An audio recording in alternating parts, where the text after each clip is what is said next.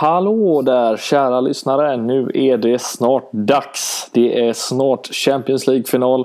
Liverpool är där. De ska möta Tottenham och eh, vi på LFC-podden vill såklart snacka upp så mycket vi kan här nu innan det drar igång. Eh, varmt välkomna ska ni vara till det här nya avsnittet. Eh, det kommer vara fullmatat med egentligen en resa genom Champions Leagues gruppspel och slutspel fram till finalen där vi kommer syna lite hur Liverpool tog sig dit, lite hur Tottenham tog sig dit och förutsättningarna inför finalen i Madrid på lördag den 1 juni.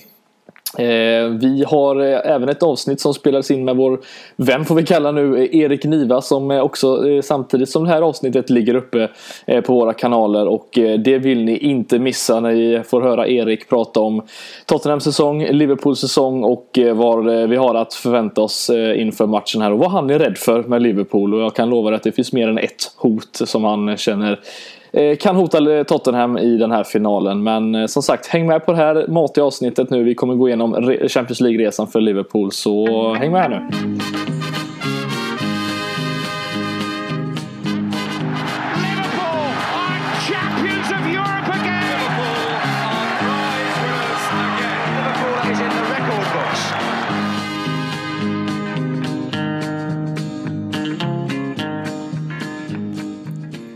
Ja men precis. Som jag sa här i, i introt så börjar det ju närma sig Champions League-finalen här nu och det är som sagt det är mixade känslor. Självklart positivt, det är glad, man är glad att man är där. Samtidigt så är det ju som jag nämnde också lite nervöst precis som det ska vara och eh, tanken med det här avsnittet är ju då att vi ska gå igenom lite Liverpools väg till Champions League-finalen. Vi ska också såklart nämna lite hur det gick för Spurs, hur de tog sig vidare men främst fokusera då på Liverpools väg. Det har ju varit en hel del roliga, roliga saker och nervösa saker som hänt på vägen som vi ska eh, djupdyka i lite mer. Men eh, med mig som sagt, jag ska inte göra det själv och eh, jag tänkte att jag tar med mig den bästa eh, tillgängliga och kanske den bästa av dem alla. Eh, Daniel Forsell, varmt välkommen in och hur är, din känsla så här inför, ja den generella känslan inför Champions League-finalen här nu? Ja, nej, det tackar vi för. Eh, fina ord där. Kanske nej, den bästa. Jag har ju kallat dig för Jay Spearing en gång också. Så att, ja, eh... det västkustgänget håller så ihop här så, så vi, vi höjer varandra. Nej, känslan är väl, är väl eh, bra liksom. Jag twittrade faktiskt lite själv om det tidigare idag. Jag tycker att det är lite så här surrealistisk känsla kring hela eh, ja, att det är final som ska spelas här nu inom ett par dagar bara i och med att man någonstans ändå har hunnit landa lite i att säsongen, Premier League-säsongen är över och, och man har det, har, det har gått ett par dagar och till och med ett par veckor nu och, och processa detta. Eh, hela den. Det, det, har ju varit en sån extrem säsong också så man har liksom varit på tå och helspänn hela tiden.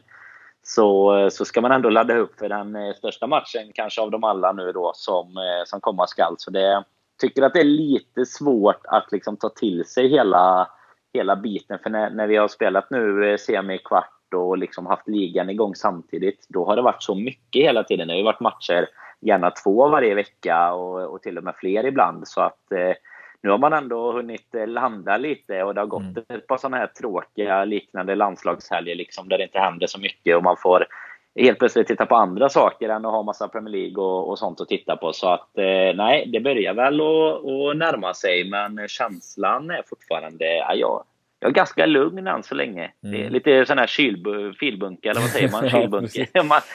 men det kommer väl bli ja. värre ju mer det, det närmar sig här nu. Ja. Eh, det, vi kommer ju gå igenom lite anledningar också till att det faktiskt eh, kanske är ännu jobbigare än vad det hade behövt vara just med Spurs på andra sidan och hela, hela det här. Precis. Nej, men jag, jag känner väl eh, samma sak egentligen. Jag har ju jag har ju släppt Premier League ganska, ganska tydligt här nu och ganska, för, för att säga ganska enkelt trots att det ändå satt hårt inne i slutet så har jag ändå liksom ja, känslan är ändå att ja, men det, de var bättre, de var bättre uh, mm. City över, över en, en längre period och uh, över hela säsongen kanske. Eh, och det känns ändå så här att okej, okay, vi gjorde ett fantastiskt säsong, men det här nu har vi, vi har liksom lyckats vända så mycket på vägen. Vi har kommit så långt och slått ut så bra lag att nu är man liksom inne i det sista och känner att nu, nu förra året, okej okay, det var mot Real Madrid, vi vet att vi kommer in som underdogs där Salah försvinner under matchen, bla bla bla allt det där. vi har redan pratat om det många gånger, men just nu så är det så att det här är våran tur. Det är min känsla. Så nu ska vi fan med ta och vinna den här skiten. Jag kommer inte orka sitta här och känna att jaha, nu misslyckades vi en gång till och så var det mm. Spurs av alla som får stå där och lyfta bucklan och Kane står där i sin efterintervju. Man hör knappt vad han säger. Alltså det, jag, jag ser inte fram emot det. Det är det enda jag kan säga. Eh, men, ja, men sagt... framförallt är det väl, det är ju också så här att eh, det hade ju varit, eh, nu, nu ska man ju säga ett eh, big if liksom, mm. men, men skulle det inte gå vägen, man ska inte hålla sig för, för långrandig kring det såklart, men skulle det inte göra det, då är det ju en helt otrolig säsong liksom när vi har tagit oss till verkligen mållinjen på två på, i de två stora turneringarna liksom. Och man hade ju haft en eh, otroligt, eh, alltså trots den här stoltheten och så som, som Robin, Kalle och Christian pratade om bra tycker jag kring Premier League-säsongen mm. i det avsnittet som kom för någon vecka sedan här så är det ju ändå så att det hade ju varit oerhört bittert att sitta eh, titellösa oavsett hur stolt och, och, så man kan vara för allt annat vi har gjort och Barcelona-matchen och, och sådär som vi ska prata om sen. Men ändå så, så man vill ju gärna ha det här kvittot i slutändan. Liksom. Man vill ha mm. det upp på pränt, upp på pappret. Eh, när du sitter om 30 år och söker på Liverpool på Wikipedia så ska det inte stå liksom att eh, det. Att det, var, att det var den eh, otroligt starka eh, säsongen liksom som de ändå inte tog med sig något ifrån. Om, om det nu är någon som om 30 år fortfarande använder Wikipedia vet man faktiskt inte. det, det, får vi se då. Vi poddar väl fortfarande förhoppningsvis i alla fall. Det lär vi nog göra. Nej, men det är som, som sagt, det, det här är, det hade ju varit gräddet på moset att få en, en titel här i slutändan. Det är, det är den, den, den största klubblagsturneringen du kan spela och eh, vi som sagt vi var där förra året också, eh, föll på, ja, på målsnöret där. Men nu känns det som att nu har vi kommit hit igen och det är liksom det, det, det, alltså det är inte många lag under de senaste åren ja, utöver Real Madrid då, som faktiskt går två år i rad och går till final och det, det gör det också lite mer speciellt att vi ändå lyckas men eh, ja som sagt vi ska prata lite om, om hur vi har kommit dit men den generella känslan för oss två i alla fall är, är nervös men ändå lite lugnt som, om jag har förstått det rätt då. Ja, än så länge i alla än fall. Länge, ju, ju, mer det närmar sig, det är ju som du säger, men man får inte glömma vilken otrolig prestation det är att ta sig till två raka Nej. finaler. Det hamnar ju lite i skuggan av Real här nu i och med att de har gjort det så pass nyligen och, och till och med tagit så många, alltså tre raka segrar då. Men det, det är bara att titta på de här andra storlagen som har varit liksom Bayern München och, och titta på ett eh, Barcelona och sådär som inte liksom ens har varit i i så många finaler överhuvudtaget de senaste åren. Mm. Men eh, så kommer vi att göra, eh, alltså ta oss till final i ett sånt kuppspel och den här typen eh, två år på rad. Det är ju något, något helt otroligt egentligen. Och, och, vi, vi ska ju som sagt prata om vägen dit. Det är ju mycket tillfälligheter eh, för alla lag såklart i, i den här typen av turneringar. Men både vi och Spurs har ju faktiskt eh, ja, egentligen varit både nere på, liksom, vad, vad, räknar man till i boxning? 10 va? eller någonting ja, när man ja. är, borta och liksom 9,5 där ja. innan domaren ska blåsa av. Så att, eh, nej, det är ju det är mäktiga resor, men det är väl alltid så att det går att hitta för alla lag ungefär. I, alltså om man tittar historiskt också, om man tittar på oss eh, förra säsongen också. Det är såklart mm. att det fanns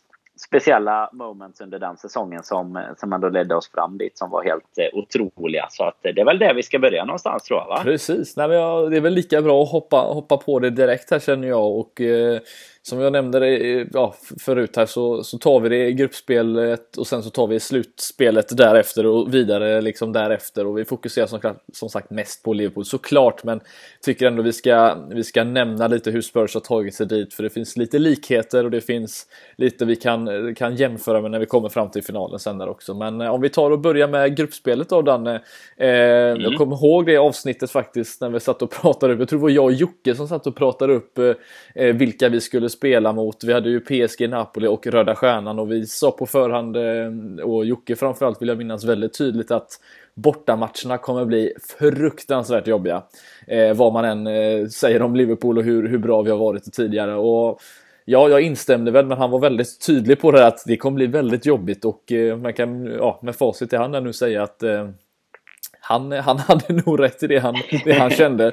Eh, min känsla var ju som sagt att vi skulle gå vidare fortfarande, att vi skulle bli väldigt tight mellan oss och Napoli. Eh, hur, hur, var din känsla när du såg vilka vi skulle eh, drabbas mot i, i den gruppen?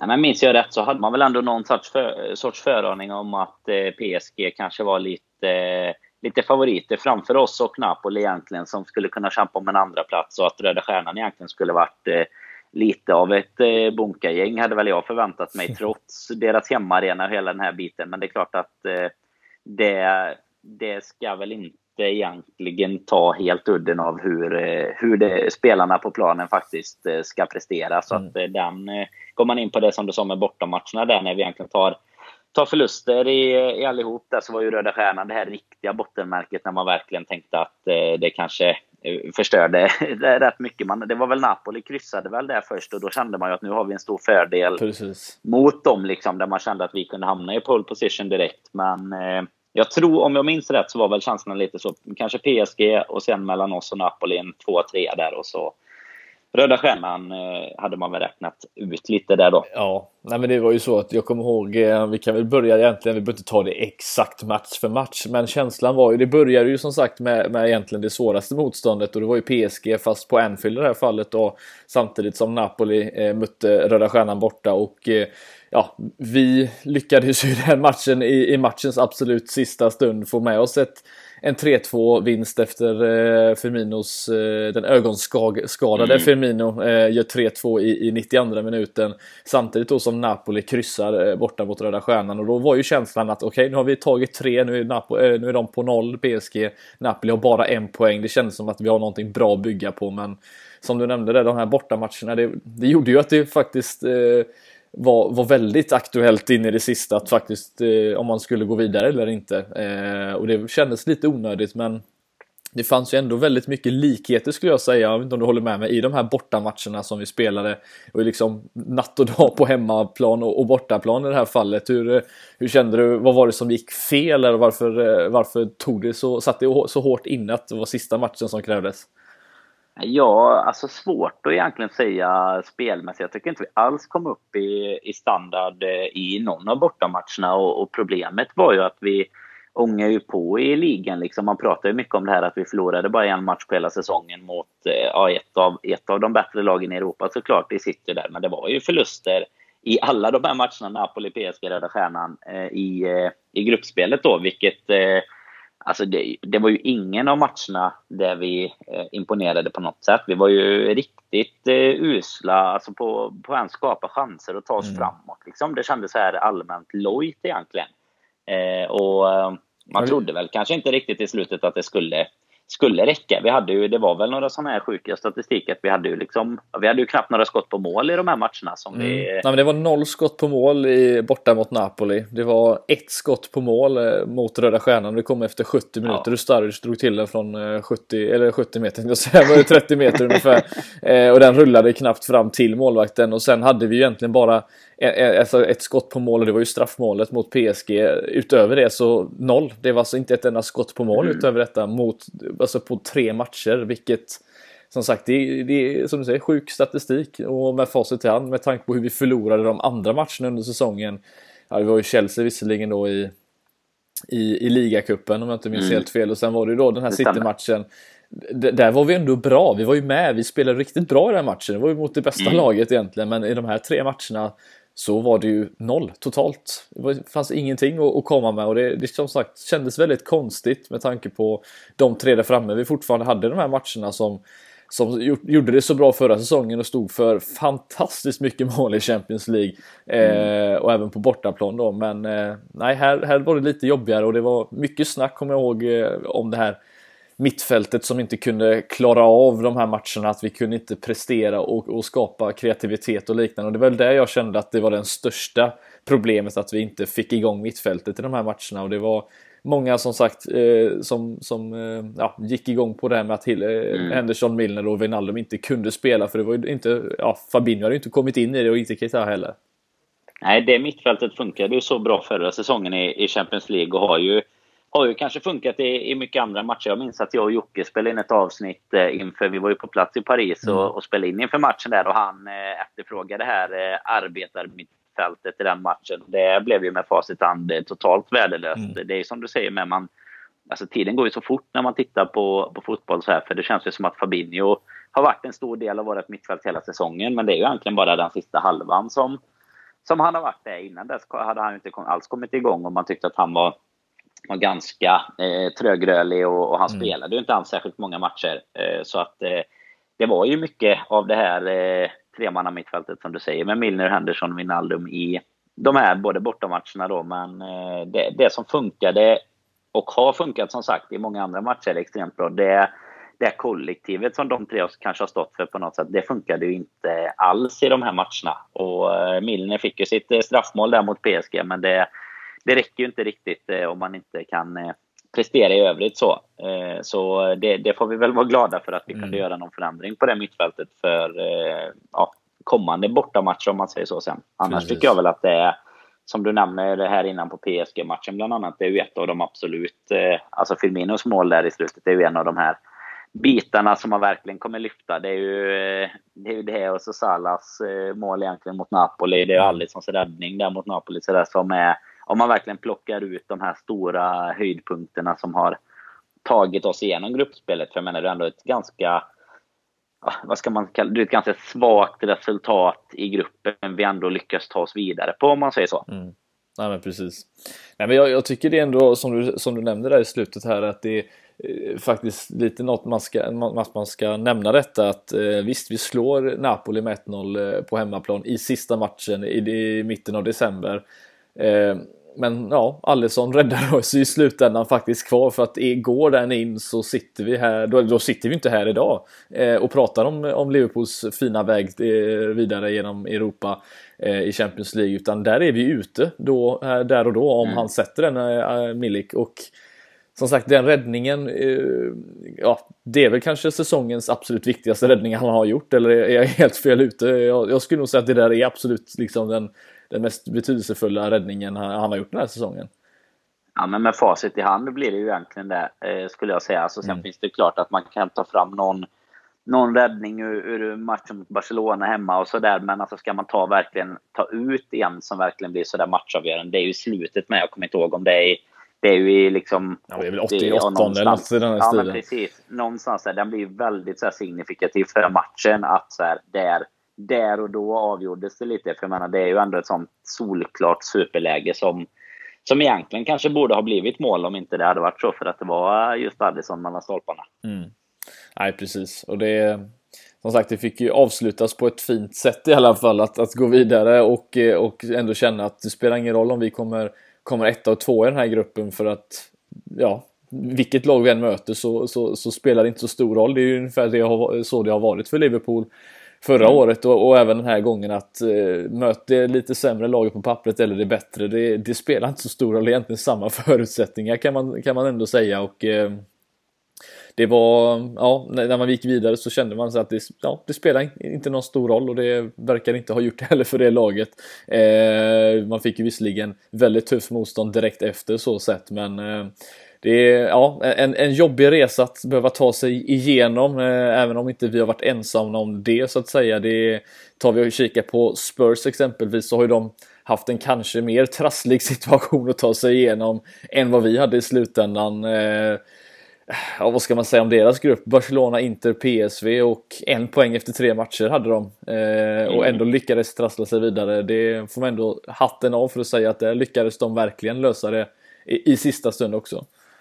Men jag kommer ihåg eh, i alla fall två gånger eh, som man liksom, ja, när man följer Champions League-sändningarna alltså samtidigt som, som man tänkte att nu, för man har ju kanske bäst koll eh, samtidigt då på de engelska lagen och lite mm. vilka som Liverpool skulle kunna hamna mot i, i grupptoppen om man säger så i så fall. Men just Spurs kommer jag ihåg i alla fall två tillfällen där man kände att de är ju, nu är de avsågade och ute liksom. Det är som du säger, en poäng efter tre matcher.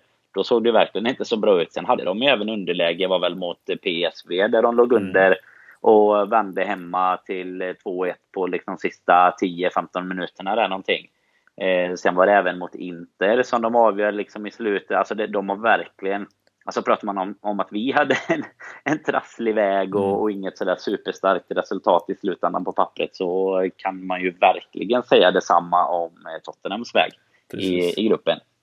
Ja, de hade ju en väldigt eh, intressant situation där i slutet. I sista matcherna, eller om det inte var sista matchen, var det väl egentligen mot, mot Barcelona där de behövde få med sig ett, ett kryss för att hålla det vid liv åtminstone med tanke på att Inter misslyckades med att slå PSV på, på, på sin hemmaplan på San Siro och då innebar det att Spurs skulle gå vidare med fler gjorda mål eh, än, än Inter. De hade samma poäng och, och samma målskillnad i slutändan och så får de med det här kvitteringen av Lukas Mora när det är fem minuter kvar som ja, har ju blivit deras viktigaste spelare under den här Champions League-säsongen sett till vad han har stått för i slutändan och eh, Nej, får vi ändå säga imponerande av dem att ta sig vidare också. Vi får, ja, får nästan säga att det var två, båda vi nu som står här i finalen, att det har inte varit en jätteenkel väg eh, hit, men eh, väldigt imponerande från båda håll åtminstone.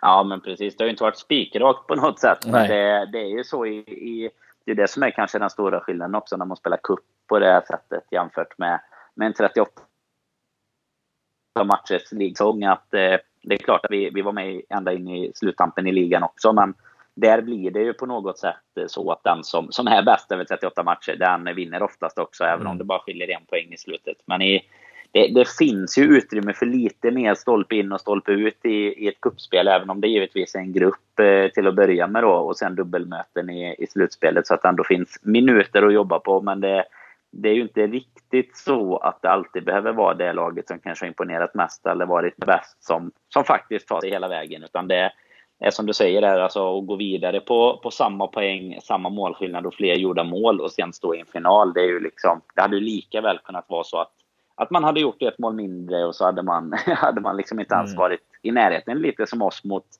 Napoli där. Att eh, hade, hade Milik satt det sista målet mot, eller mot eh, oss eh, för Napoli, då hade liksom säsongen ja, inte varit över eh, helt då såklart, men Champions League-säsongen hade ju varit mm. över.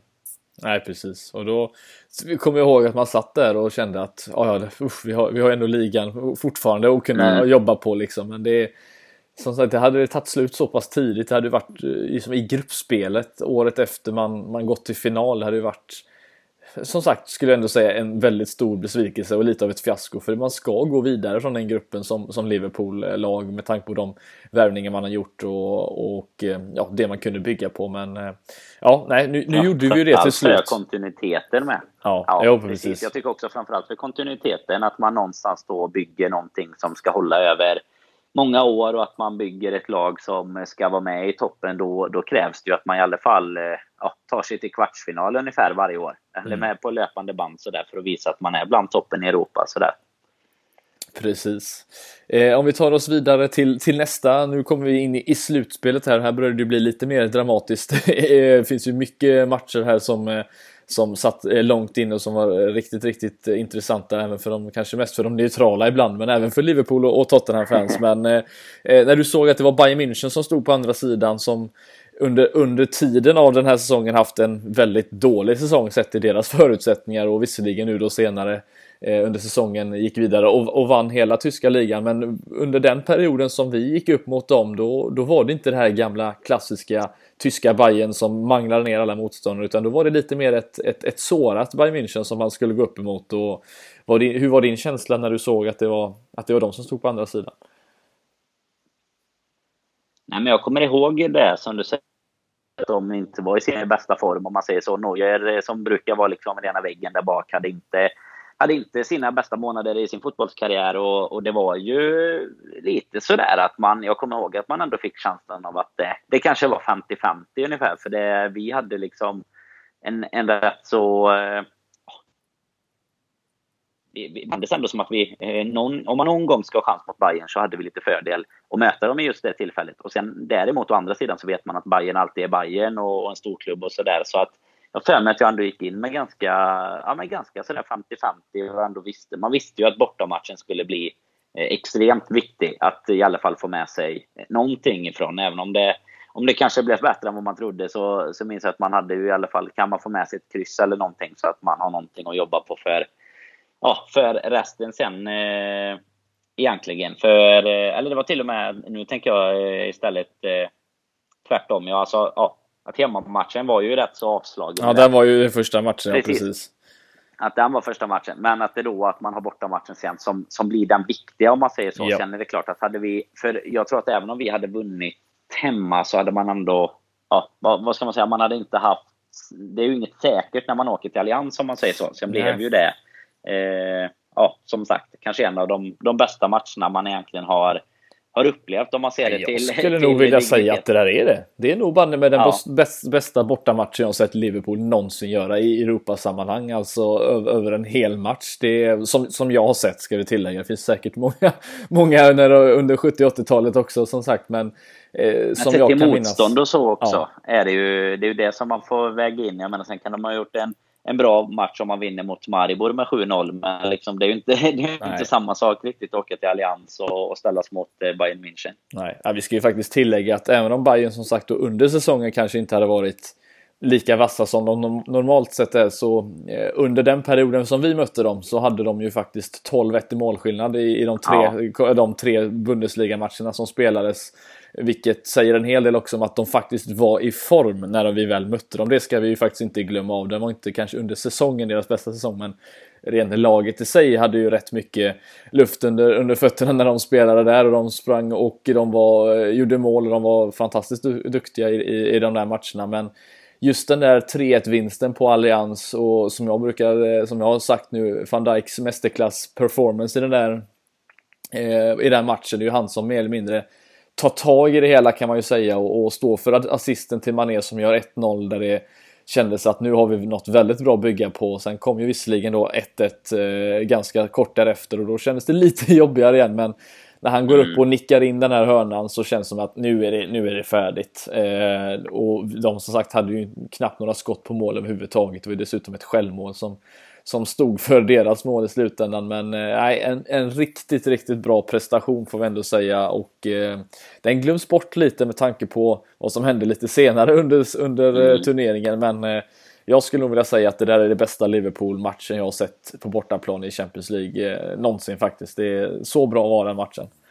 Det var ju det som var lite sjukt också med, med just den matchen att eh, man kände aldrig riktigt, alltså det är ändå Bayern på bortaplan och man kände aldrig riktigt nervositet från i alla fall att det stod, det som du sa, när det stod 1-1 då, då var ju vi ändå på, på bortamål men då är det ändå ganska känsligt om man säger så att det, mm. det väldigt lätt kan hända att, att det går ja, illa för en om man säger så då. Men eh, det var liksom aldrig den känslan i matchen tyckte inte jag att man någon gång var riktigt orolig för att det faktiskt skulle Alltså att vi inte skulle gå vidare utan ända från start egentligen så kändes det som en ganska ja, som du säger, alltså, du utnämner det till den, den bästa matchen som du sett på bortaplan. Så det, det säger ju mycket nog. Mm. Men liksom, det var en sån stabil eh, insats också. Så att man, man kände sig aldrig riktigt nervös för att vi faktiskt inte skulle lösa det. Även om det var ett, en av de största klubbarna liksom, som man möter på bortaplan. Utan vi, vi kom verkligen helt rätt in i den och alla satte alla fötter rätt hela tiden egentligen. Så det kändes aldrig riktigt farligt. Och sen just eh,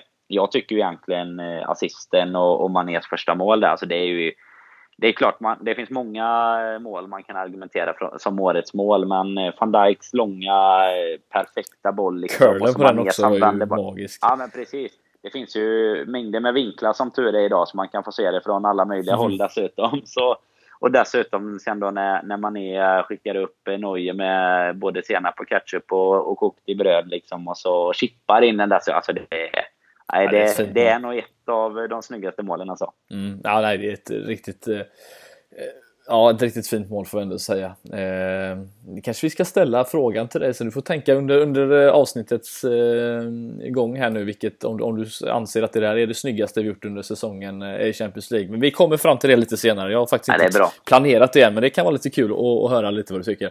Eh, Nej men som sagt 3-1 eh, sammanlagt blev det ju den matchen, eh, eller de två mötena och eh, ytterligare en, en stor jätte som Liverpool eh, slår ut, eh, ja första under den här säsongen visserligen men eh, eh det, ja, starten på det hela kanske vi ska säga.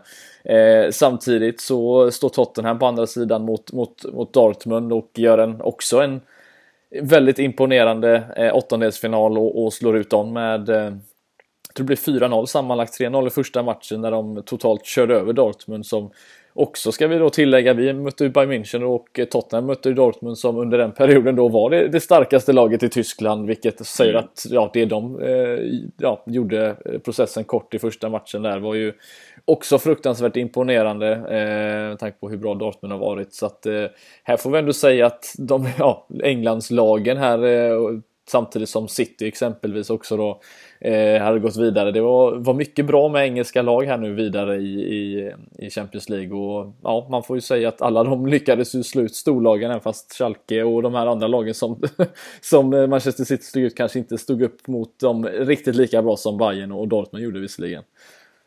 Nej men precis, framförallt det som var stora skillnaden om man jämför Spurs resa mot våran, det var ju att de de gjorde ju tvärtom. De gjorde processen kort i första mötet istället så att de hade ju en extremt eh, bra, ett extremt bra ingångsläge. Nu har ju det visat sig senare i turneringen att det inte alltid är jättebra att vinna hemma med 3-0 i första matchen för alla lag. Men, eh, men det känns ju ändå som att man kommer in med ett bra ingångsläge inför, inför nästa match då. Medan vi gjorde ju egentligen tvärtom och, och var lite ja, li, lite mer lugna och avvaktande i första och, och satte på krossen i, i andra istället. Och sen eh, Sen ska man inte heller glömma det som, som kanske präglar och utmärker då våra stora skillnader den här säsongen. Det är ju att Tottenham i, i det här skedet, det är väl i, i februari, det är någonting som, eh, som de då egentligen också är med uppe i toppen i, i ja, ligan tillsammans med oss och City. Det är Precis. väl det man också kan, ja, kan det... nämna. Tar man, sig, tar man sig ända fram till idag, eller nu, till sista matchen nu 12 maj då så, så har man ju tagit väldigt, väldigt olika resor i eh, ligan också. Och där märker man ju kanske lite skillnaden på, på storleken på både trupper och liksom kanske lite rutinen och sådär också. Lite vad det kan spela in att man, eh, att man någonstans då sätter ett eh, stabilt, kontinuerligt framtåg i Europa till exempel. För det märks ju i ligan att Spurs eh, har eh, slitits. Eh, och sen är det klart, de gjorde inga värvningar och sådär under säsongen heller. Sen har de ett, ett rätt bra lag till att börja med, så det kanske inte var helt nödvändigt heller. Men det märks ju att det slet på dem i ligan. Nu, nu kommer jag inte ihåg exakt till slut vad det, vad det slutade på, men menar över 20 poäng ner mm. sen till slut. Så att det var ju, det var ju rejäl skillnad när man jämför där, att de kanske var en 3, 4, 5 poäng efter oss ja. vid den Fem, vid den tidpunkten då. Fem poäng bakom oss så sitter de. Vi låg på 65 och de på 60 vid den tidpunkten. Mm. Vilket som du säger säger en hel del med tanke på hur vi och City då drog ifrån ordentligt. Och ja, som sagt, vi, vi, gör detta i en situation när vi tillsammans med Spurs egentligen spelar lika många matcher och ska egentligen gå samma väg eh, till, till, till eh, början av juni. och att vi slutar så många poäng före, eh, ja det är ju fruktansvärt intressant får jag ändå säga. Jag tror Spurs, vad var de hamnade på? Var det 10 förluster i ligan den här säsongen? Mm. Och vi liksom en. Det är, ja, nej, det, är, det är fantastiskt hur, det kan, eh, hur olika det kan vara här men eh, eh, vi ska inte ta ifrån dem deras Champions League-resa åtminstone. De gjorde ju ett riktigt bra jobb mot Dortmund, precis som vi gjorde mot, eh, mot Bayern München. Och, eh, mm. eh, om vi hade det lite, då kanske vi på pappret ska säga det svårare motståndet eh, i åttondelsfinalen, eh, så vände ju det lite kan vi ju säga när vi kommer fram till eh, kvartsfinalen och, och Liverpool eh, lottas mot Porto och Tottenham får Manchester City i kvartsfinal. Eh, så ja, omvända, ombytta roller kan man ju säga och Porto vet jag ju som sagt, det har vi pratat om och mött dem tidigare som sagt på, på deras bortaplan och eh, det var ju, du var väl på plats på den matchen tillsammans med eh, Robin och Jocke var det va? Ja men det stämmer, vi var ju, eh. Vi var ju där förra säsongen när det blev 5-0 då så man hade ju man hade ju en bra känsla av eh, att möta Porto. Det, så mycket kan man ju säga. Precis, nu blev det ju inte... Ja, det ju i, i slutändan en ganska bra, bra resultat där eh, på, på Dragao ändå. Men om vi tar starten av det hela så en ganska stabil får vi ändå säga 2-0 seger med, med bra förutsättning inför just det här andra mötet på Dragao. Och Vissa lag hade väl säkerligen känt sig nedslagna på, på förhand med tanke på att de vet hur Liverpool är och att de ändå kom från det här 5-0 vinsten året innan på den eh, arenan. Men eh, känslan när den matchen startade var ju verkligen att det här kommer inte bli enkelt. Porto verkligen eh, mosade ner oss på ett sätt, ja, utan att göra mål visserligen, men de skapade mycket lägen och vi var, vi var verkligen inte bra i den första halvleken. Eh, trots att vi fick ett, ett 1-0 mål där av Mané, men det var, det var väldigt jobbigt där kan man säga. Det kändes som att det var inte alls över, som många trodde kanske att det skulle vara. Nej, och jag minns att jag tyckte att de var rätt eh, bra om man jämför, alltså förra årets eh, match som då blev 5-0 borta först och sen eh, så är det klart att hemmamatchen ja, blev ju, alltså 5-0 är ju, är ju lite för mycket så att han blev ganska, det blev 0-0 ganska betydelselöst från två håll liksom men jag kommer ihåg att jag tyckte att de var rätt så vassa framåt i första matchen mm. också. Så ändå skapade en del lägen jämfört med vad många lag gör på Anfield. Så man hade ju ändå känslan av att vi hade gjort tillräckligt kanske för att gå vidare. Men som du säger så var ju känslan under den första halvleken att eh, det, det fanns risk att det kunde bli väldigt nervöst. Sen så, eh, så där tycker jag väl att man Alltså det, där kändes det nästan som den här typiska storlagsbiten som, eh, som många storlag har varit med om. Alltså så att man, man fick till sina lägen och var effektiva när vi väl hade dem. Och vi hade ju något mål efter lite varkoll när det egentligen det, de flesta trodde väl att, att det inte skulle bli mål egentligen. Så att eh, nej, det, det kändes det som vi hade lite marginalerna med oss i vad gäller effektiviteten om man säger så. För mm. det, det blev ju egentligen alldeles för för stora siffror nästan sett till hur, hur matchen utvecklade sig i alla fall. Ja, nej, men, ja precis. Det är 1-0 målet. Det, det dödade väl det mesta kan man väl säga. Eh, och som sagt, vi fick hjälp av VAR där. Eh, man såg, jag kommer ihåg det hur, hur, hur man var ovisst, men så såg man Sala som står, han, jag tror domaren mimar eller liksom man kan läsa på hans läppar att, att han säger goal eller någonting och man ser att Salah börjar fira och då börjar alla andra fira. ja, och sen så blåser domaren mål och det var en,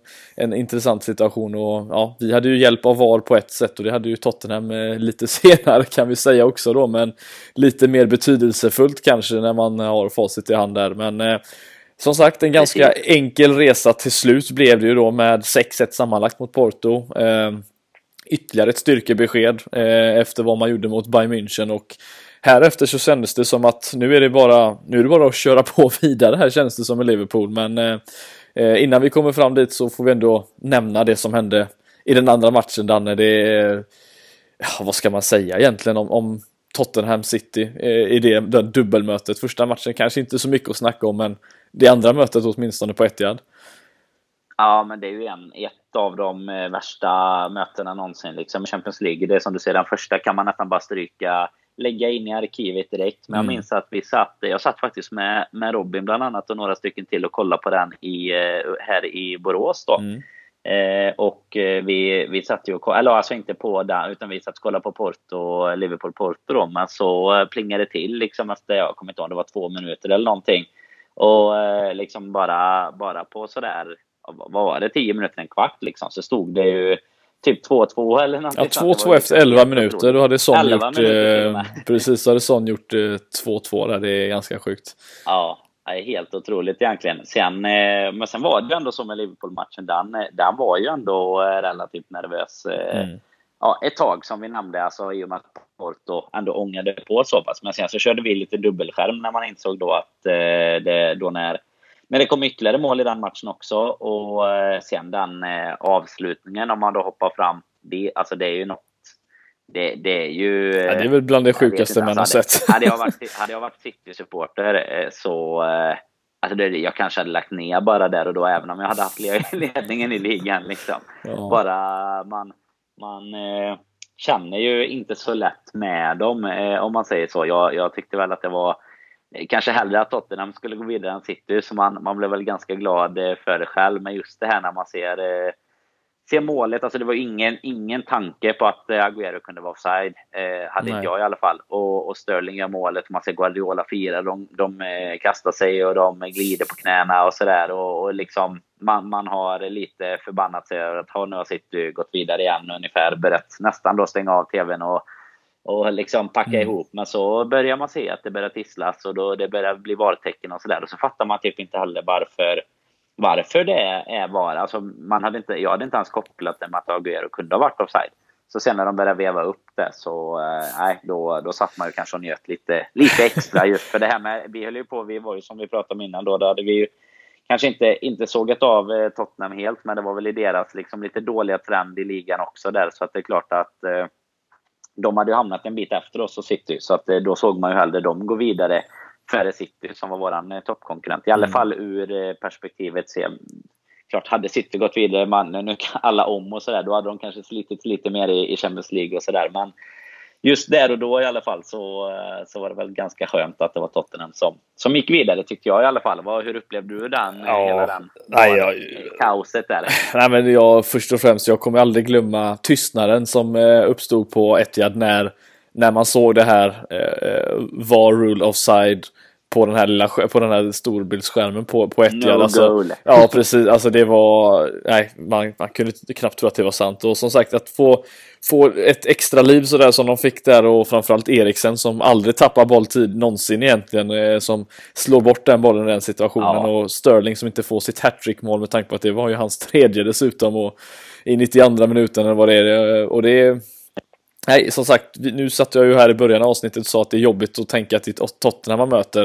Eh, det hade ju varit ännu värre om det varit City såklart, med tanke på att då, ja. hade, då hade vi Visserligen kanske man nedvärderar Liverpool och säger att de går in som, som, eh, som favoriter, men det hade de ju fortfarande gjort med tanke på att de är ett snäppet bättre än vad vi är normalt sett. Men eh, Nej, jag hade inte klarat av att möta City för då hade de ju liksom, då hade de lyckats med, eh, med att vinna väldigt mycket titlar under den här säsongen. Och eh, ja, det har varit skönt att, att Tottenham ändå fick gå vidare. Och eh, ja, det är kul när ändå de lagen som, som förtjänar det får gå vidare som kämpar lite hårdare och inte som sagt kan fuska sig igenom. Det är, skönt att Nej, men sen det också, det varit det är som du nämnde där, det har varit mycket jobbigare att möta, möta City, liksom både med, med ligan och hela den biten. Men, men också om man ser till våra möten, vi ska ju prata lite om det såklart när vi, när vi har kommit igenom resan, men, jag menar att vi, vi ändå har plusstatistik på Tottenham och sådär och City lite tuffare den här säsongen såklart. Så, eh, utan att ha gjort några dåliga matcher givetvis. Men det är klart att vi är, vi är mer favoriter eh, om man tittar objektivt på det mot Tottenham än vad vi hade varit i en match mot City. Det går ju inte att komma mm. ifrån. Hur, hur jobbigt man än kan tycka det är att man, jo, anledningen till att man tycker att det är jobbigt att det är Tottenham är ju också att alternativet som var väldigt nära att hända är ju det vi, vi kommer in på här nu med semifinalerna och att det var Ajax som, i, mm. som skulle kunna ha stått på andra sidan och, och kanske borde ha gjort det. Eh, och eh, man har väl en känsla av att en sån match hade kunnat utvecklas på ett helt annat sätt i och med att eh, det hade varit två extremt offensiva lag, men kanske med ett Ajax eh, som är lite mindre rutinerat och, och liksom har levt mycket på det. Medan Tottenham känner vi ju vi känner Tottenham utan och innan och de lika så för oss. Så att där känner man väl mer att, att det också finns en rädsla att förlora mot dem om man säger så. Det är mycket jobbigare att förlora en match. Precis som det är mycket jobbigare om det, att, om det hade varit City som du nämnde så hade det, är det jobbigare med Tottenham än om det hade varit Ajax. Precis. Även om man givetvis inte ska ska tänka på att man ska förlora för det har vi ju fasen inte tänkt men att ska göra. det hade man kunnat leva med på något sätt. Man har känt så här att okej, okay, men det är Ajax, det är kul, de har slått ut Bayern, äh, Juventus och Real Madrid. Det är liksom eh, fantastiskt, de slår ut Tottenham i semifinalen. Det har varit, varit en saga i sig och det är unga laget och så vidare. Men det är klart att det, möter vi ett Ajax som är duktiga på att spela, spela i backlinjen och spela upp bollar. Det hade lika gärna kunnat stå 3-0 halvtid till Liverpool. Eh, om, de gör, om vi gör det väl, det kan stå tvärtom också om de gör det väldigt väl och spelar sig förbi våran press. Men det hade varit en mer intressant match och på förhand liksom Liverpool-Ajax, mm. två storlag i det fallet. Det hade varit en väldigt mycket roligare final att se tror jag än, än Liverpool-Tottenham. Men, eh...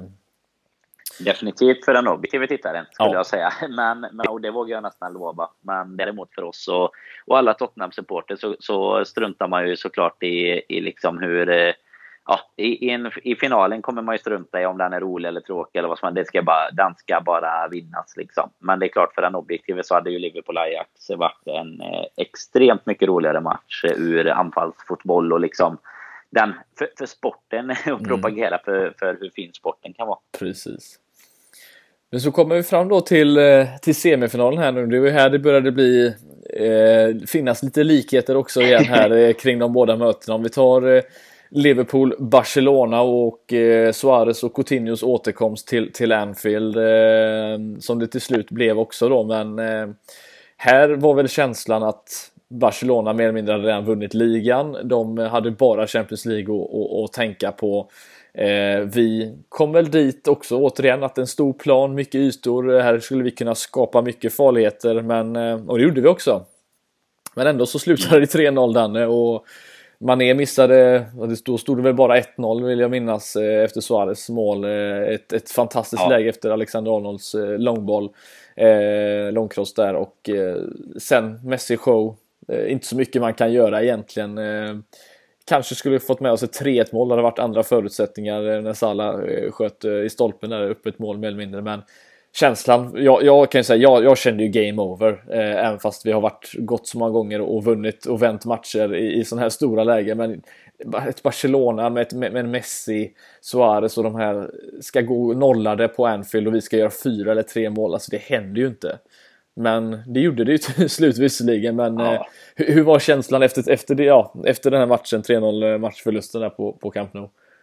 Nej, men jag kan bara instämma i det du säger. Jag hade också en game over-känsla. Vi, eh, vi var ju på plats, jag och Jocke, på, på den matchen eh, nere i Barcelona. Så efter att ha, ha bidragit på läktaren till den bästa bortamatchen någonsin som du pratade om på Allians så, mm. så var, blev inte Barcelona riktigt samma sak. Även om jag tyckte att vi gjorde en bra match. Eh, utan tvekan liksom. Men just att det blir 3-0. Vi missar, Salah missar det här eh, superläget i slutet, stolpen. Du nämner Manés där eh, också. Där, precis som du säger, när det stod 1-0 som det läget kom. Och det kändes verkligen som att Barcelona istället satte sina, som Messi sätter den här frisparken. Och de, de får verkligen det mesta med sig istället. Så då, jag hade väl ända fram till Alltså jag, jag, måste säga att jag hade ett litet hopp när matchen blåstes igång på Anfield. Då, då hade man ändå så här, lyckats bygga upp någonting. Men ända fram till i alla fall, säg två timmar innan den matchen så var jag eh, helt övertygad om att det skulle vara omöjligt. För mm. jag minns att vi pratade efter matchen där nere mm. också om att liksom 3-0 var i överkant för Barcelona, men det, var liksom, det blev också ett för stort... Alltså 2-0 hade vi kunnat eh, leva med, eller 3-1 sådär, men att 3-0 blir för svårt utan något bortamål och, och hela den biten då. Mm. Det var väl du och jag som pratade upp den matchen va? Det kan nog säkert stämma. Eh, jag för mig att ja, vi pratade om att du skulle åka iväg, men i vilket fall som helst. Så det, det, jag kommer i alla fall ihåg att jag, jag pratade upp den matchen och jag sa eh, i alla fall det här att om det ska vara möjligt att vända ja, den här ja, matchen. Hemma, hemmamatchen Ja, just det. Ja, precis. Jag tror du menar bortamatchen. Ja, nej, nej, hemmamatchen pratade vi upp Just det. det stämmer det. Eh, Tidigt mål. Ja, men det var ju det. Tidigt mål, vinna alla närkamper, eh, sätta lite skräck i dem. Alltså så här att fan, här kommer det inte...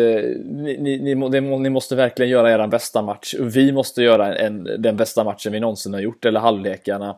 Eh, för att klara detta. Och, och, det var ju egentligen, det, det, är det enda sättet kan jag tänka mig, om det inte är sån här riktig domartabbe eller att man får med sig något rött kort och liknande. Det är mm. ingenting man kan förutspå på det sättet, men just det tidiga målet som, som Origi gör. Vi kommer till den matchen utan Sala, utan Firmino, leder den matchen med 1-0 halvtid. Robertson går ut skadad, in kommer Wijnaldum. Och, och, så på något sätt, och det här kan jag säga nu att jag är ingen sån som tror på jinxar och liknande, men att Firmino, eller att, att Wijnaldum gör två mål i 54 och 56 minuten.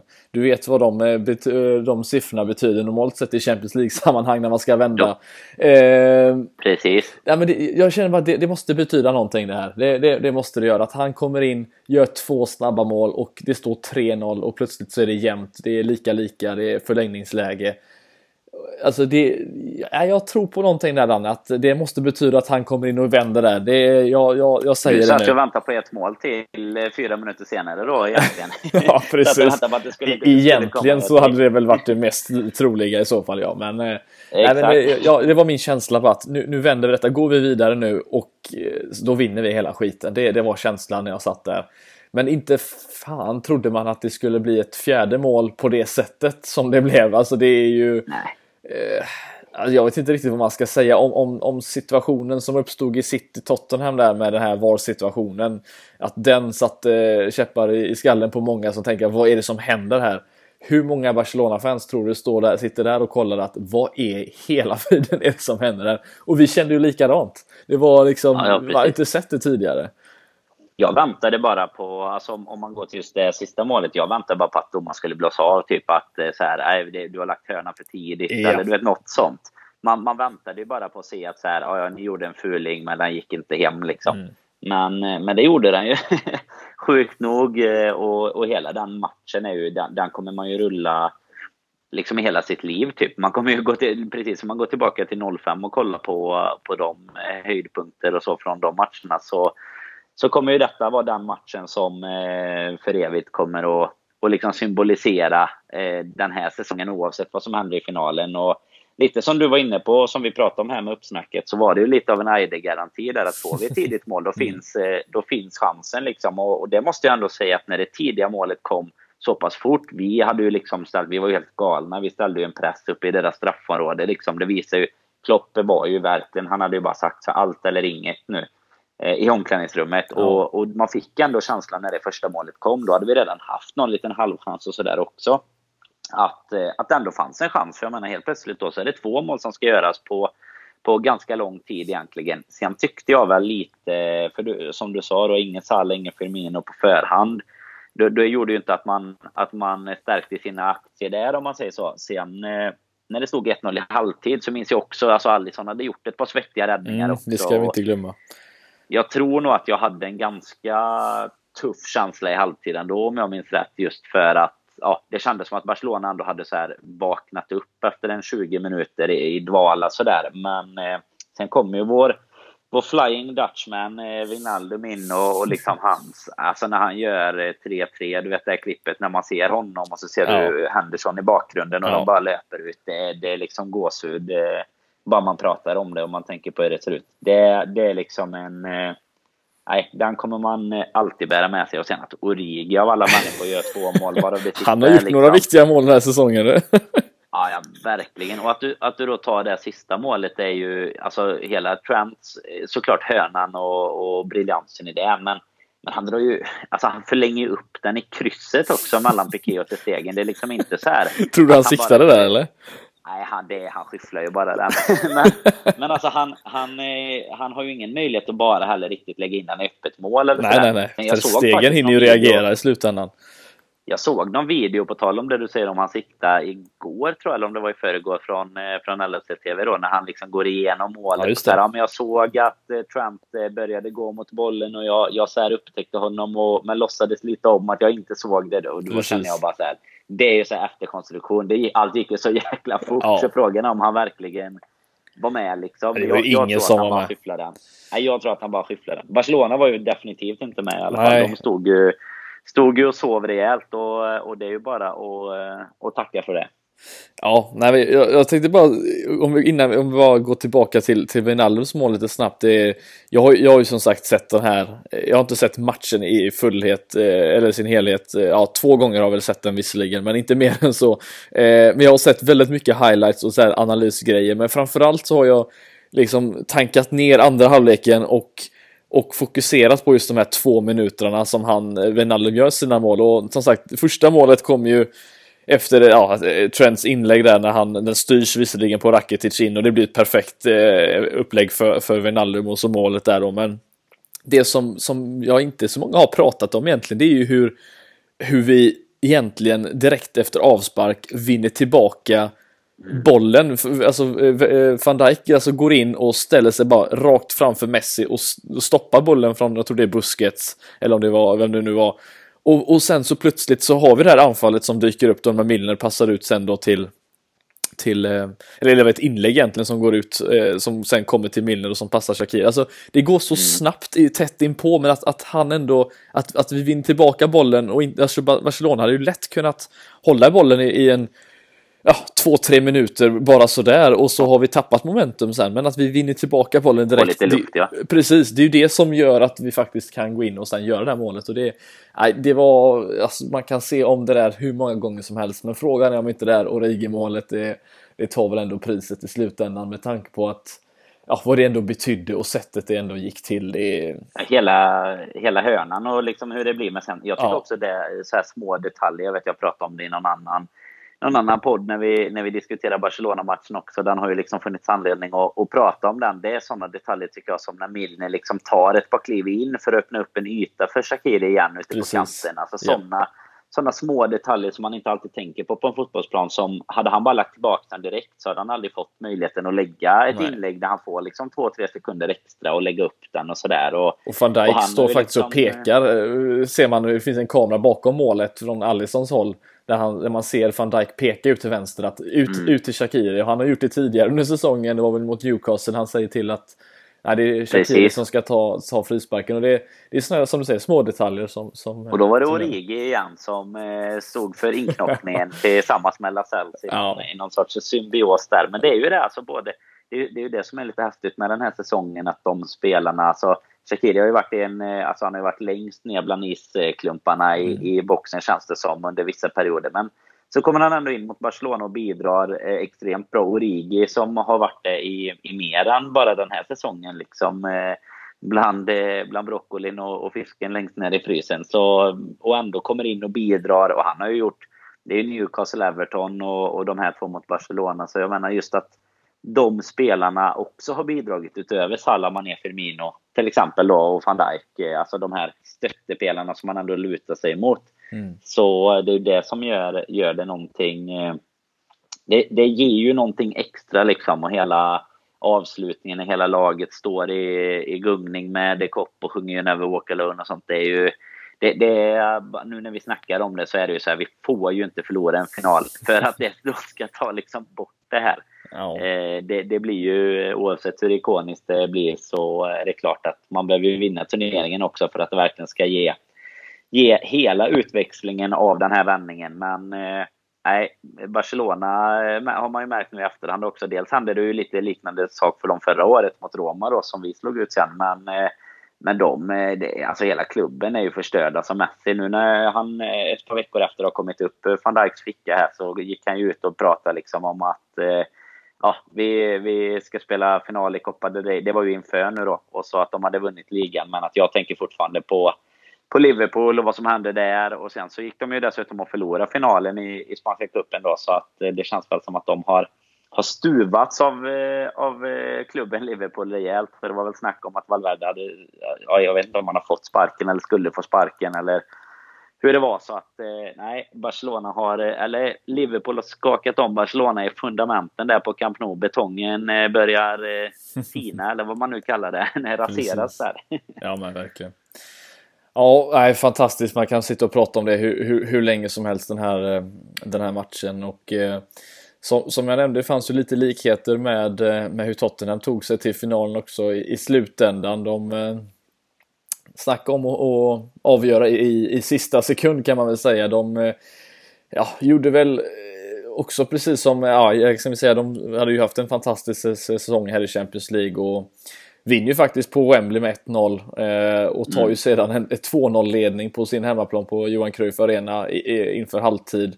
Och där står det alltså där och då, där är ju, alltså jag satt ju och var helt säker på att Ajax var vidare. Det fanns inte en chans. Jag stängde faktiskt av där. Jag stängde av vid 2-0 för jag kände att det, det, är ju ingen eh, idé. Alltså Nej. nu är det ju klart, nu blir det, det blir Ajax. Precis. Och man kan ju, man kan ju som sagt eh, sitta och, och prata om teorier allt, allt hit och dit. Men frågan är om inte deras, att det har gått så bra under säsongen för dem de har liksom lyckats sluta de här topplagen, de har spelat på sitt sätt. Frågan är om inte det var så att det var deras, det var de själva som spelade ut sig själva i slutändan. Med tanke på att de, ja de hade väl ett stolpskott visserligen som hade totalt dödat matchen i andra mm. halvlek när det stod 2-1 eller vad det stod. Eller 2-2 kanske till och med stod. Eh, men just att, att, att de det kändes som att de faktiskt inte, de hade ju ingen rutin i det här för det första så de visste inte hur de skulle agera verkade det som. Men det var, det var så konstigt, det bara kändes som att mm. vad, vad, gör de? Försöker de inte, inser de inte vad som håller på att hända här? För det var nästan det som min känsla var att när, när Lukas Moura gör det här 2-2 målet som för övrigt är ett väldigt bisarrt mål som inte ska hända med tanke på hur många spelare i boxen det var under den perioden när han eh, trasslade till det där inne. Mm. Men åh, nej, jag vet inte vad jag ska säga. Det Tottenham gör det ju bra som sagt som kommer in och, och som kommer och vänder detta och Lukas Moura gör hattrick och sådär. Men det är ju Ajax själva som får stå på detta. Det är, det, det är det enda jag kan känna. Jag tror det var Mourinho till och med som sa samma sak. Att de kan sitta hemma nu och, och med sin filosofi och, och kolla på Champions League-finalen från sina tv-soffor. Det är ungefär så jag känner också. Att det var deras mm. eget fel att de hamnade här trots att de gjort det så bra under säsongen. Ja, men någonstans eh, tycker jag väl att du, du är inne på rätt spår. För det är ju ändå så här att Jämför man våra matcher nu då så hade vi ju ändå en, en hel match på oss att vända mot Barcelona. Även om Barcelona också ska ha tillräckligt med rutin för att kunna stänga en sån match kan jag ja. tycka. Men, eh, men just eh, alltså Tottenham ska ju dels vara helt eh, nedbrytna mentalt. Alltså när man, när man ligger under med, med 3-0 sammanlagt och 2-0 bara i den matchen då. De har ju liksom 45 minuter på sig att vända. Eh, också en klubb, alltså om man pratar om att Ajax inte har rutinen kanske och, och de håller fri och sådär. Så har ju inte Tottenham någon rutin på den här nivån heller. Så de, det är ju liksom inte en eh, Gareth Bale, Cristiano Ronaldo och Luka Modric som, som ska in och vända andra halvleken. Utan det är ändå ett, eh, ett Tottenham liksom, Exakt, och Lucas Mora, liksom, de har sin största spelare, kanske då sett på pappret i alla fall, Kane, eh, fortfarande skadad och, och sådär. Det, det är liksom inte ett ett superlag som ska gå in och spela andra halvlek, utan det är ju helt, eh, en helt otrolig prestation. Man kan inte säga något annat. Att de, eh, alltså en helt otrolig prestation av dem, men också en helt otroligt värdelös prestation av Ajax att lyckas tappa det, kan jag mm. tycka. Mm. Även om, ja, just för att de ändå har 2-0 och, och då någonstans ska ha brutit ner Tottenham tillräckligt mycket. Eh, och det var efter det där 2-2 målet du pratade om, det, det var ju då jag knäppte igång igen, för man, notiserna visar ju att Tottenham hade gjort ett par mål. Och, och sen fick man ju se det här helt sjuka avgörandet som liksom är matchens sista spark dessutom. Det var inte så att de lät, lät vänta på sig heller, utan det ska verkligen vara i den allra mest dramatiska av eh, situationer. Det var ju lite vårat, eh, alltså Firmino mot PSG, det var lite den, mm.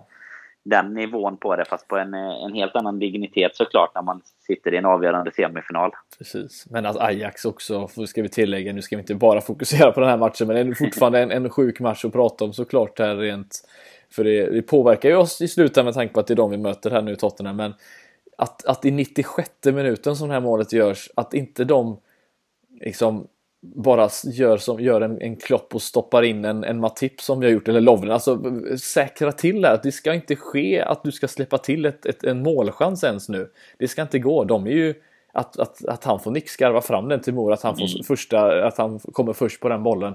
Det ska ju inte hända. De är ju två spelare mot fyra försvarare i 96 mm. minuten i den viktigaste matchen i deras karriärer hittills. Eh, och kanske till och med någonsin kommer att vara. Jag, jag kan inte, ja, nej, jag, jag, som sagt, det, det, är inte, det är tur att det inte det hände oss, att det var Liverpool. Då hade jag, vet jag inte vad jag hade gjort, men eh, nej, det som sagt, det hade varit skönare om det var Ajax. Det, det, det, ja, så enkelt är det ju bara. Ja, man hade inte velat vara Tottenham-motståndare varken i semin eller kvarten där. Det är som vi ser, både Ajax och City har helt surrealistiska metoder de åker ut på egentligen mm. mot eh, Spurs. Och, och det så de här två semifinalerna som, som Tottenham, Ajax och vi och Barcelona bjöd på, det, det gör ju detta till den... Eh, jag kan inte tänka mig att det finns en sjukare säsong liksom sett till hur, hur matcherna och dubbelmötena har utvecklat sig mm. än vad den här säsongen egentligen, även om om Istanbul och, och den matchen såklart eh, 2005 eh, är ju en historia i sig. Men just det här att båda, alltså både vi och eh, Spurs egentligen som nu ska spela final är ju relativt uträknade i både efter första mötena men, men även då efter en och en halv match och vänder och sådär. Det är ju helt, helt otroligt egentligen. Men nu blir det Tottenham istället för Ajax då som, som jag vet inte vad din din känsla inför en sån match, vi pratade ju lite kort om det såklart att Ajax kanske är ett lite mer eh, fröjdigt lag framåt och med lite mindre rutin. Men tror du att det kommer bli liksom en tillknappt match på grund av att Klopp och Pochettino känner varandra så pass väl? Eller vad, alltså, vad är alltså, känslan? Jag, jag, tror väl de har lite känslan som, som vi har som supportrar här att, eh, att det är kanske ingenting som, som syns ut till eller utåt men ingen av de här lagen, eh, framförallt tror jag Klopp tror, känner nog ännu mer med tanke på att han, han, han förlorat sina eh, finaler i slutändan han har varit i. Men att, att de, de vill bara inte förlora. De vill, de vill liksom, rädslan som vi har pratat om tidigare, rädslan av att, av att förlora är större än liksom glädjen av att vinna på något sätt. Alltså det är just det här att man vill så gärna inte förlora den här gången. Och jag tror att Pochettino känner samma sak med tanke på vad han har gått igenom med sitt lag och som du sa, inte köpt en enda spelare, lyckats på något sätt krångla sig vidare och haft en dålig ja, andra del av säsongen får vi ändå säga i Premier League åtminstone så vill de heller inte förlora den här matchen. Jag tror att det, det kan bli rätt tillknäppt alltså. Jag, jag, tror inte något av lagen kommer öppna upp sig på något sätt och det har ju inte varit jätteöppet i de här Premier League-matcherna som har varit mellan oss Precis. heller så att säga. Det har ju 2-1 eh, suttit ganska hårt inne för båda lagen i slutändan men nej, det, jag tror att det kan bli det kan bli en ganska tillknäppt historia men som sagt om det är någonting vi har lärt oss av den här säsongen så är det väl att det, man har haft fel tidigare när det gäller att eh, förutspå vad som ska ske i matcherna.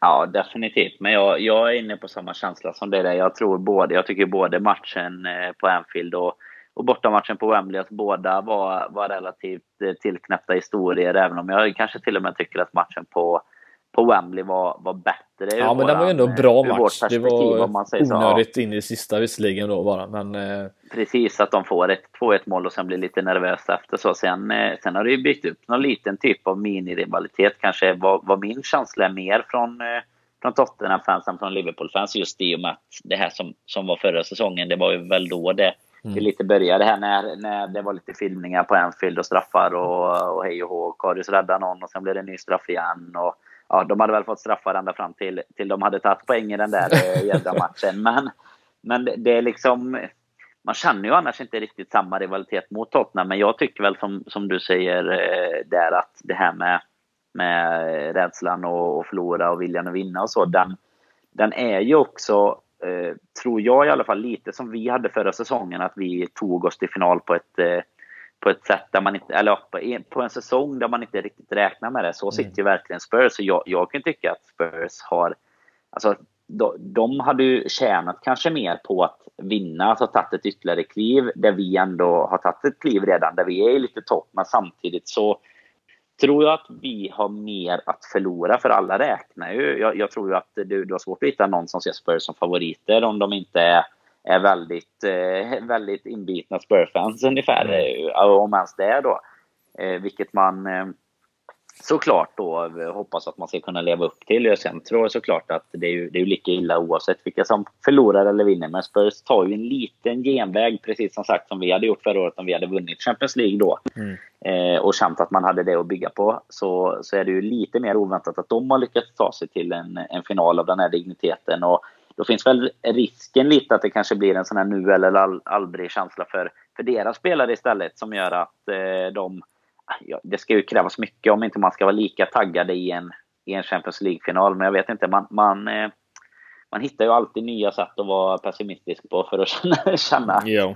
att man kanske inte kommer, kommer kunna lösa det. Men jag, jag tycker väl samtidigt, alltså tittar man statistiskt sett så, så ska ju, alltså sen Klopp kom och, och vara matchen mot Spurs så, så ska vi i alla fall slå med 7-8 gånger av 10. Men mm. Eh, det gäller ju såklart att den här gången är en av de gångerna då. Det blir ju ändå någonting annat, även om nu man har mötts eh, och varandra utan och innan, så, så blir det ju någonting annat när man möts i en, eh, i en final i Champions League såklart, även om det hade känts mer annorlunda att möta ett lag som är från en annan liga som Ajax, just för att det är Champions League. Men mm.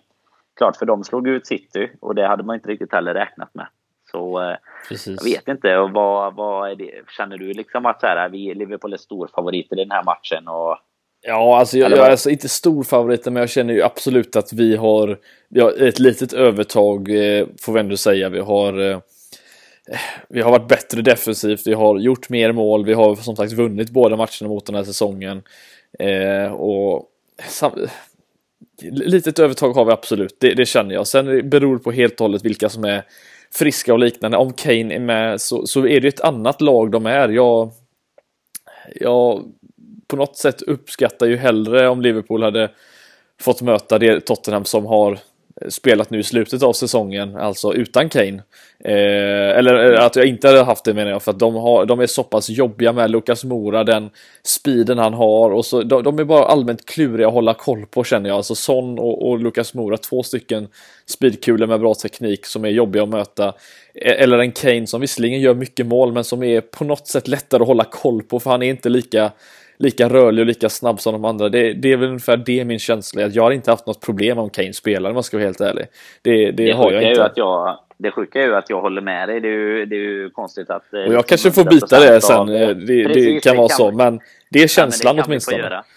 Ja, men det är ändå så att 100 procent av eh, två här nu då sitter och liksom tycker att kanske deras bästa spelare på pappret och statistiskt sett eh, är egentligen fördel att han spelar. Och jag, jag tycker även det kommer dels spelsättet som du säger, men även av att han givetvis har varit borta och varit skadad. Mm. Och kanske inte är riktigt samma, man hoppas ju och drömmer lite om att han kanske inte ska vara i samma matchform eller sådär och Nej. att de ändå ska, ska offra och kasta in honom liksom och han kanske inte, för jag menar Lukas Mora har ju kommit in och varit helt fenomenal eh, i de i ja. de matcherna. Och det, jag tycker också att det skapar trubbel när han och Son spelar tillsammans. För Son har ju också haft en riktigt fin säsong eh, faktiskt. Och, och, är ju kanske den spelaren som jag egentligen tycker i, i Spurs som, är, som man blir allra mest nervös för när han får bollen. För sen har de ju bra passningsspelare i Eriksen bland annat sådär som mm. kan, kan förse dem med bollar. Sen blir ju Kane ju ett annat hot kanske på Alltså i straffområdet, alltså lite mer på, på skallen och sådär också. Yeah. Det tappar de ju lite utan honom. Men, och så en extra filmare på planen också. Precis, det är inte nog med det. Det har de väl tillräckligt ändå. Det tycker väl de att vi har dessutom också. Ja, fast de har fler. Men, Ja, det är bra.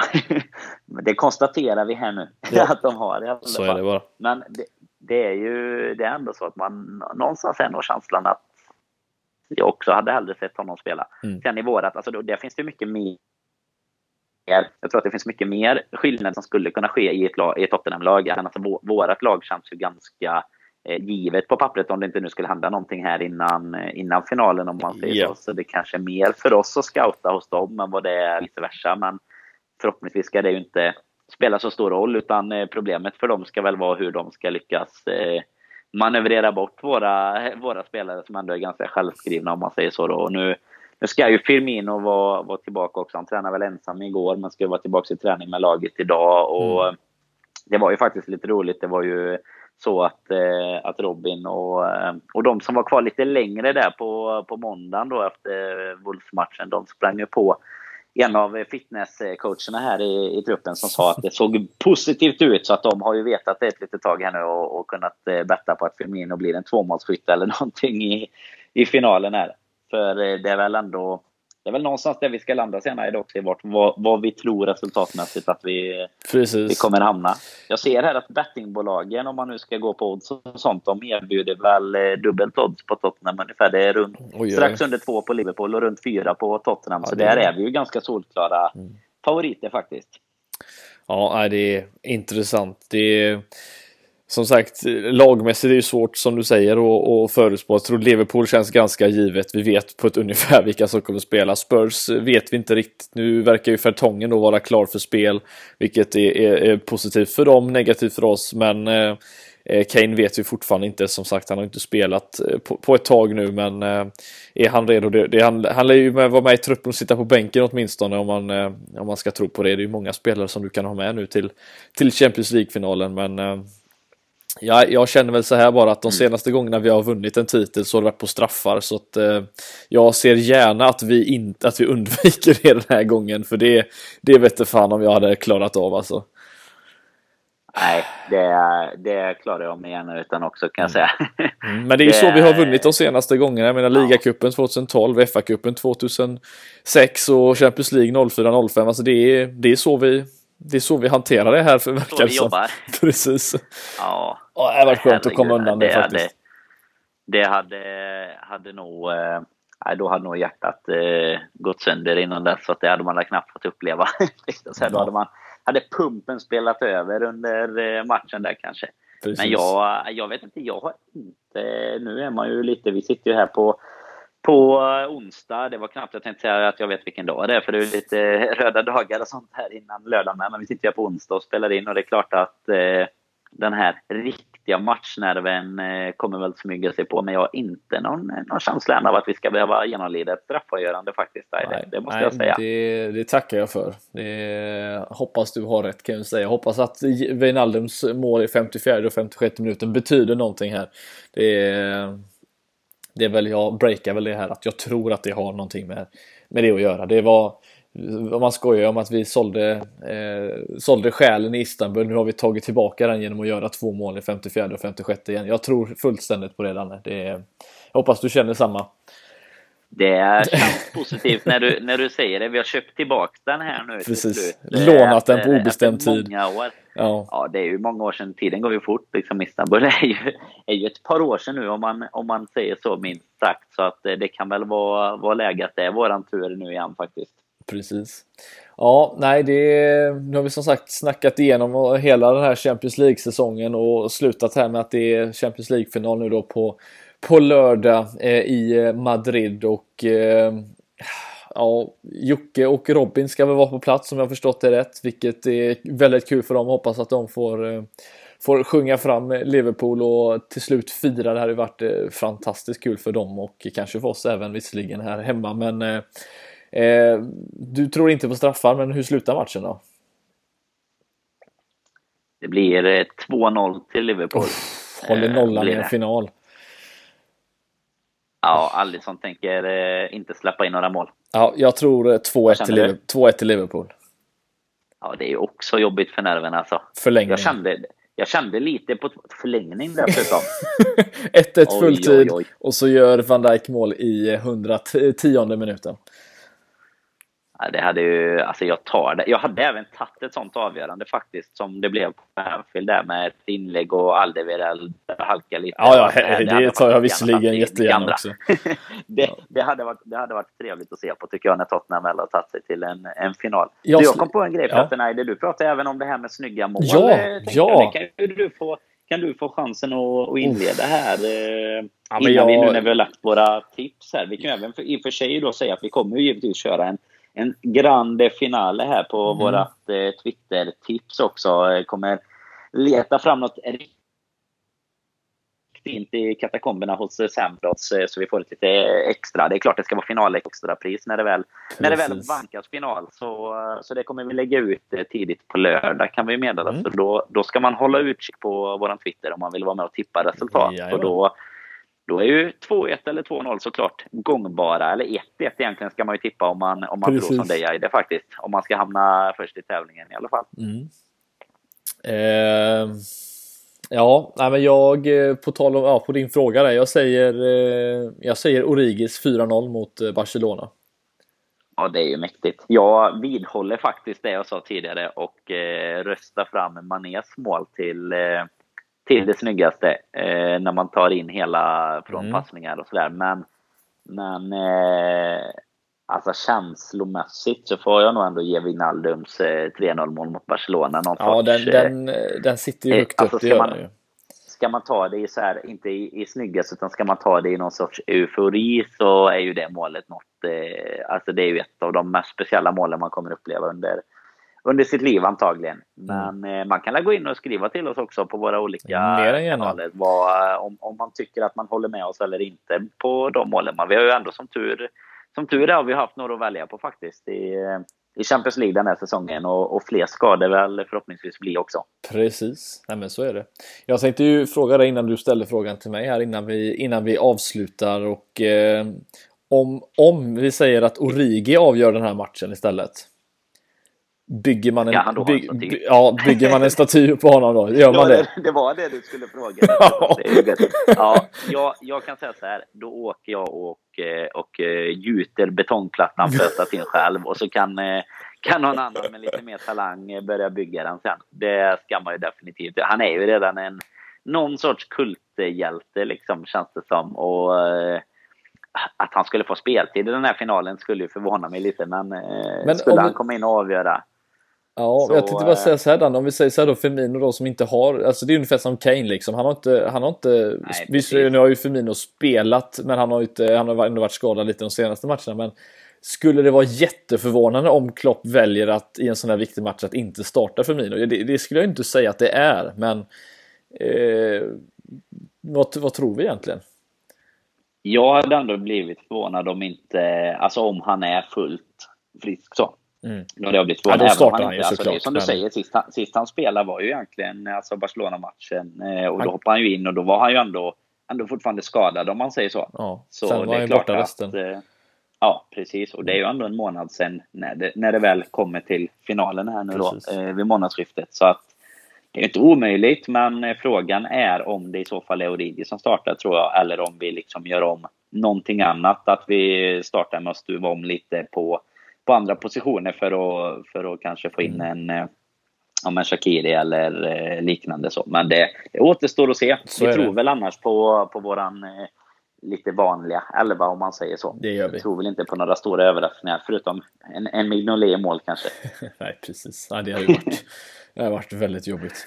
Det var någon som hade lagt ut det, jag måste bara säga, det har varit väldigt jobbigt. Eh, la ut en tweet som han hade skrivit att han har nu han har, ja, det är ju bara Twitter det här händer på visserligen, han hade, han hade räknat ut att eh, att Allisons fru eller flickvän att hon eh, att eh, den första att beräknat barn den första juni och att det går ja, om hon får barn då så är det ju fullt rimligt att ibland att de faktiskt följer med och inte och missar en match men det hade varit förödande om man som sagt hade fått stå där med och så ser man Mignolet starta med tanke på att vi fick igenom ja, vara med om förra året. Det hade ju varit eh, inget illa mot Simon Mignolet men eh, det är ju inte riktigt nu det är tänkt att han ska komma in och, och stjäla showen. Jag vågar, jag vågar lugna dig och säga att Alisson kommer inte vara med i så fall. Han kommer att spela. Han kommer stå på, ja, på det... arenan i Madrid och, och vara redo att mota bollar ändå. Ja, det är bra. det, här, det här missade han inte. Nej, hon får, hon får föda i Madrid i så fall. Ja, det är inga problem. Nej, ja, men det är bra. Då, äh, jag känner mig ganska färdig för det här. Det var ett, ett, matigt, ett fullmatat avsnitt här vi, vi har fått igenom. Jag tror inte vi har missat någonting åtminstone. Eh, kan ju som sagt, som jag nämnde i introt också, eh, påminna om att vi har ett fruktansvärt bra avsnitt med Erik Niva uppe också samtidigt som det här finns uppe när han ger sin syn lite på inför finalen också. Så att det får ni Jag vågar till och med säga jag vågar till och med säga att det är, det är snäppet mer lyssningsvärt än vad det är att lyssna på dig och mig här ja, det, är, Borås och Göteborg. Men det, då det är inte är många det... saker som är det. Nej, precis. Men då lyssna har du på Niva och få, få lite tankar just inför en sån här match också. Ja. Där eh, han är, är, såklart är med i form av Tottenham-supporter och inte i form av, av all, mm. allmän fotbollsjournalist. Liksom, utan eh, nej, in och lyssna på det om ni mot förmodan skulle ha missat det. Absolut. Han, jag tror väl att han sa, han var ju med faktiskt inför finalen mot Real Madrid och han sa 4-1 till, till Liverpool så att eh, jag hoppas inte han har sagt något liknande den här gången som inte stämmer. Vi, eh, som sagt, det återstår att se hur det slutar här Danne. Vi eh, tackar alla som har lyssnat här. Vi börjar närma oss en timme och 20 minuter, så det har varit ett väldigt långt avsnitt. Men eh, som sagt, det är en speciell situation som vi är just nu. Då kräver det ju långa avsnitt. Men hoppas att ni har tyckt det här avsnittet har varit bra. Vi eh, hörs som sagt efter finalen som det blir och eh, förhoppningsvis ett eh, ett gäng glada Liverpool-supportrar som, eh, som snackar ner den matchen mot, eh, mot Tottenham eh, i Madrid. Men tills dess så tack för att ni har lyssnat så hörs vi snart igen.